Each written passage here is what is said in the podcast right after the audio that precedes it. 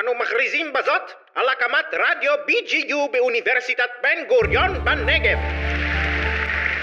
שלום, אני יונתן, אני הילית. והיום נדבר על התפרצות נגיף הקורונה בקהילות היהודיות באירופה. אבל לפני שנתחיל, בואו נדבר קצת על מספרים. למרות מה שנהוג לחשוב, עדיין נותרו לא מעט קהילות יהודיות ברחבי אירופה. באופן די טבעי, הקהילה הגדולה בעולם היא בישראל, אנחנו, והקהילה השנייה בגודלה היא בארצות הברית. אולי תופתעו לשמוע שהקהילה השלישית בגודלה בעולם נמצאת בצרפת, שם חיים כמעט חצי מיליון יהודים ברחבי המדינה, והקהילות אחריה הן בריטניה, רוסיה וגרמניה. כדי להבין מה קורה עכשיו, צריך לחזור קצת אחורה, כי האנטישמיות אינה דבר חדש. לא באופן כללי, וגם לא בהקשר למגפות.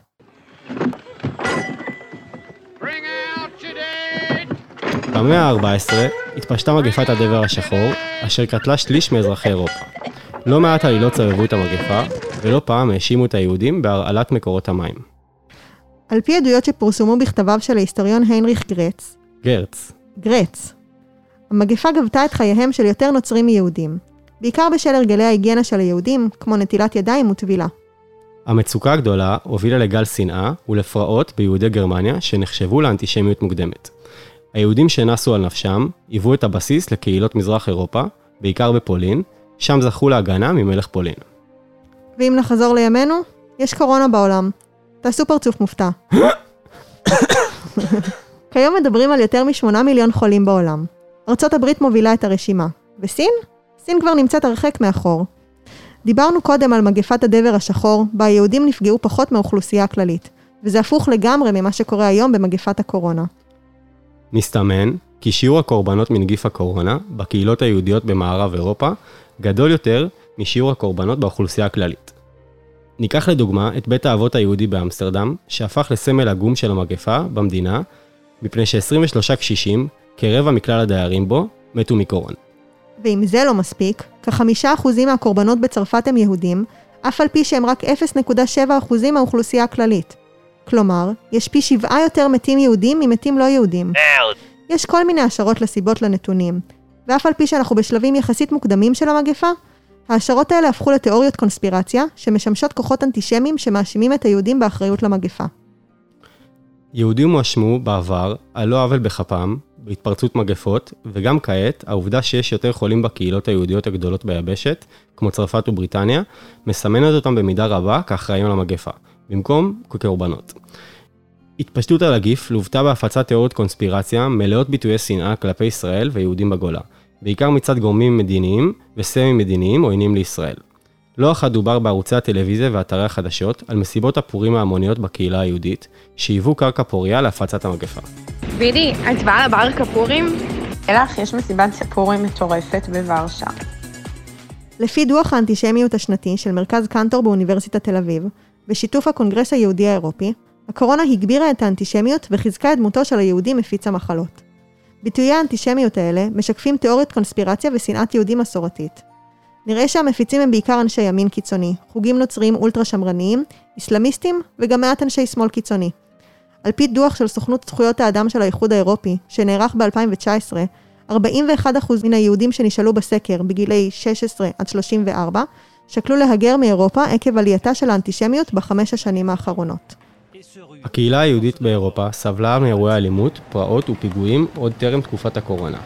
ביניהם, פיגוע ירי במוזיאון היהודי בבריסל, הפיגוע בהיפר כשר, ופיגוע בבית הכנסת בגרמניה ביום כיפור בשנה שעברה. לצד אלה גם השיח האנטישמי ברשתות החברתיות מתחזק. דוח של התנועה למאבק באנטישמיות גילה מאות תכנים אנטישמיים ברשתות החברתיות. בצל קונפליקט הזהות ששרויים בו היהודים באירופה, הסוכנות היהודית לישראל וארגון אופק ישראלי דיווחו בשבועות האחרונים על עלייה חדה בהתעניינות בנושא עלייה לארץ. לאורך השנים האחרונות חלה עלייה במספר העולים מאירופה לישראל, לרוב בגלל אירועי אנטישמיות. לא מאמינים לנו? הנה. נמצאת איתנו על הקו מיכל נעמת, בוגרת המחלקה לפוליטיקה וממשל, שליחת הסוכנות היהודית בפריז וחברה של עילית. בונז'ור. מה שלומך? איך בפריז? איך החיים? החיים בפריז אה, לאט לאט חוזרים לשגרה. מבחינת כאילו המדינה, מבחינת העיר, חוזרים לשגרה. אה, עדיין יש פה אנשים שנדבקים, עדיין יש פה אנשים מתים, אבל פחות ממה שהיה. מה המצב בקהילה היהודית? אני בחיים לא ראיתי ערימות כאלה של דרכונים שמחכים לוויזה, שזה כאילו ויזת עלייה. אה, המון המון אנשים רוצים לעלות, אנחנו, אה, אני כאילו אדע לזה דרך הרבה אינפורמציה שאנחנו עושים, שבדרך כלל פעם, בערך פעם בשבוע יוצא שיש ערב אינפורמציה על העלייה במשרדים שלנו, אז בדרך כלל זה לא בזום, לפני הקורונה זה היה ערב אינפורמציה ממש שאנשים היו מגיעים, אז בימים טובים הייתי רואה שם נגיד 30 איש בערבי אינפורמציה אה, אה, רגילים, סטנדרטיים, אם נגיד אני מדברת על סטודנטים אז גם בספטמבר או אוגוסט אז אנחנו נראה ערב אינפורמציה גדול של 30-40 איש, זה בשנים האחרונות, ופתאום עכשיו אה, בתקופה של הקורונה אז זה, זה הופך לערב אינפורמציה בזום, ויש אלפי צופים לכל דבר כזה. בזום עולים מלא מלא אנשים, כאילו, אם זה למבוגרים עולים 100 איש לפחות לזום, צופים בזה בפייסבוק, עושים ערבים של שאלות ותשובות שאלפי אנשים צופים ומגיבים. אני אישית, שאני בדרך כלל עובדת עם, עם סטודנטים, לפחות בנושא של העלייה, מקבלת מהמון המון סטודנטים שאני מכירה, או שאנשים שאני מכירה נתנו את הטלפון שלי לאנשים אחרים, אה, מקבלת מלא שיחות, כל יום אני מקבלת לפחות שתיים או שלוש שיחות ממספרים שאני לא מכירה, של אנשים שרוצים לשאול אותי מה לעשות כדי לעשות עלייה. מאיך שאת רואה את זה, אה, מה שהשפיע על, ה, על העלייה הזאת היא הזמינות של השיחות האלה, או, או ההחמרה באנטישמיות? יש, עלו, עלו כל מיני uh, אמירות ו, ו, וכל מיני uh, קריקטורות לפייסבוק, לרשתות החברתיות, uh, בתקופה של, המח, של, ה, סליחה, של המחלה, של ההסגר, שבעצם טוענות uh, שמי שאחראי להפצת הווירוס זה הקהילה היהודית.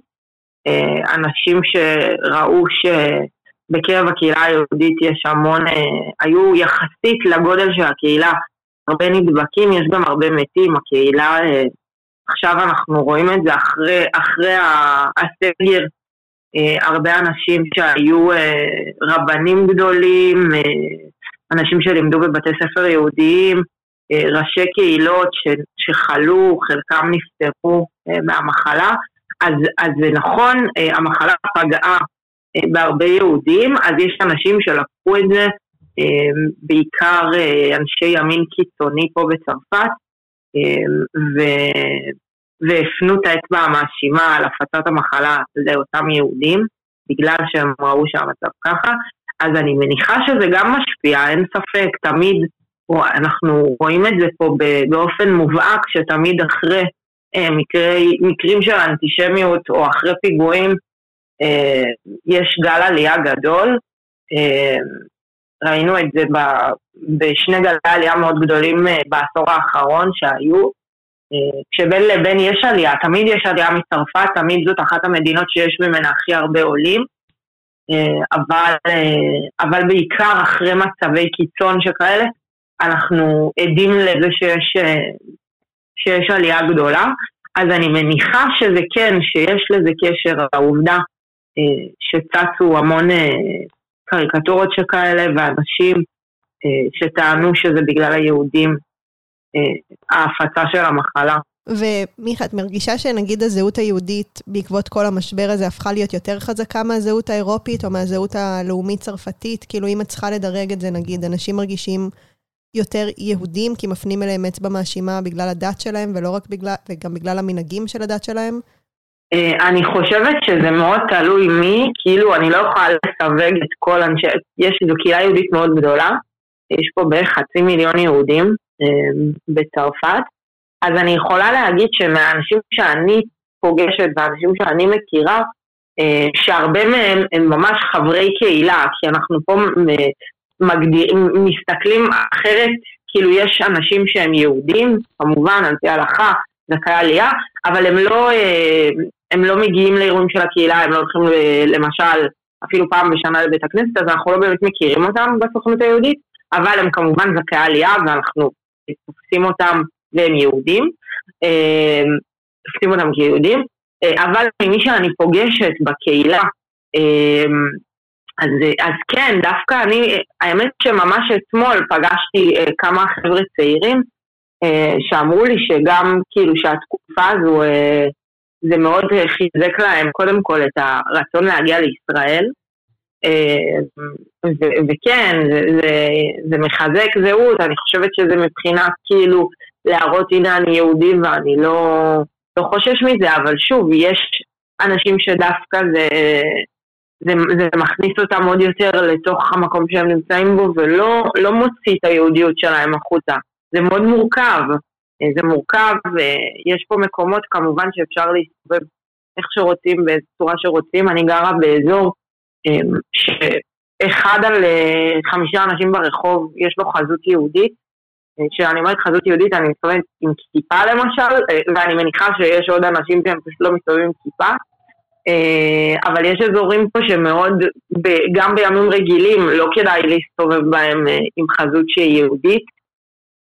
זה נורא עצוב, ו... אז, אז כן, אני מניחה שזה גם גורם דווקא להתכנסות לתוך עצמם ופחות להראות את זה, אבל יש אנשים, כמו שאלה שפגשתי אתמול, שדווקא אמרו לי שכן זה חיזק אצלם התקופה הזו את הרצון להגיע לישראל ואת הזהות, הזהות היהודית שלהם שהיא מאוד קשורה בתוך הזהות שלהם עם ישראל. מעניין. תודה רבה. תודה מיכי. בהצלחה. פרויקט האינטגרציה האירופית מעמיד במבחן את נושא הזהות, ובמידה מסוימת אף מנסה לייצר מצב של זהות פן-אירופית המדגישה על-תרבותיות. למרות זאת, נראה שמשבר הקורונה הוא אתגר לפרויקט האינטגרציה. נגיף הקורונה מחזק את מדינות הלאום, ומעלה סימני שאלה באשר לזהותם של יהודי אירופה.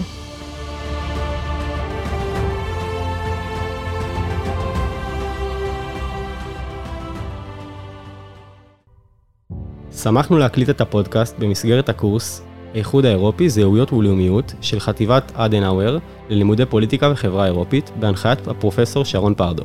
תודה מיוחדת לרעות קמחי מהמחלקה ללשון עברית. אני חושבת שזה קמחי. תודה מיוחדת לרעות קמחי מהמחלקה ללשון עברית ולבוזי רביב מרדיו BGU. רדיו BGU מדווחים מהקמפוס.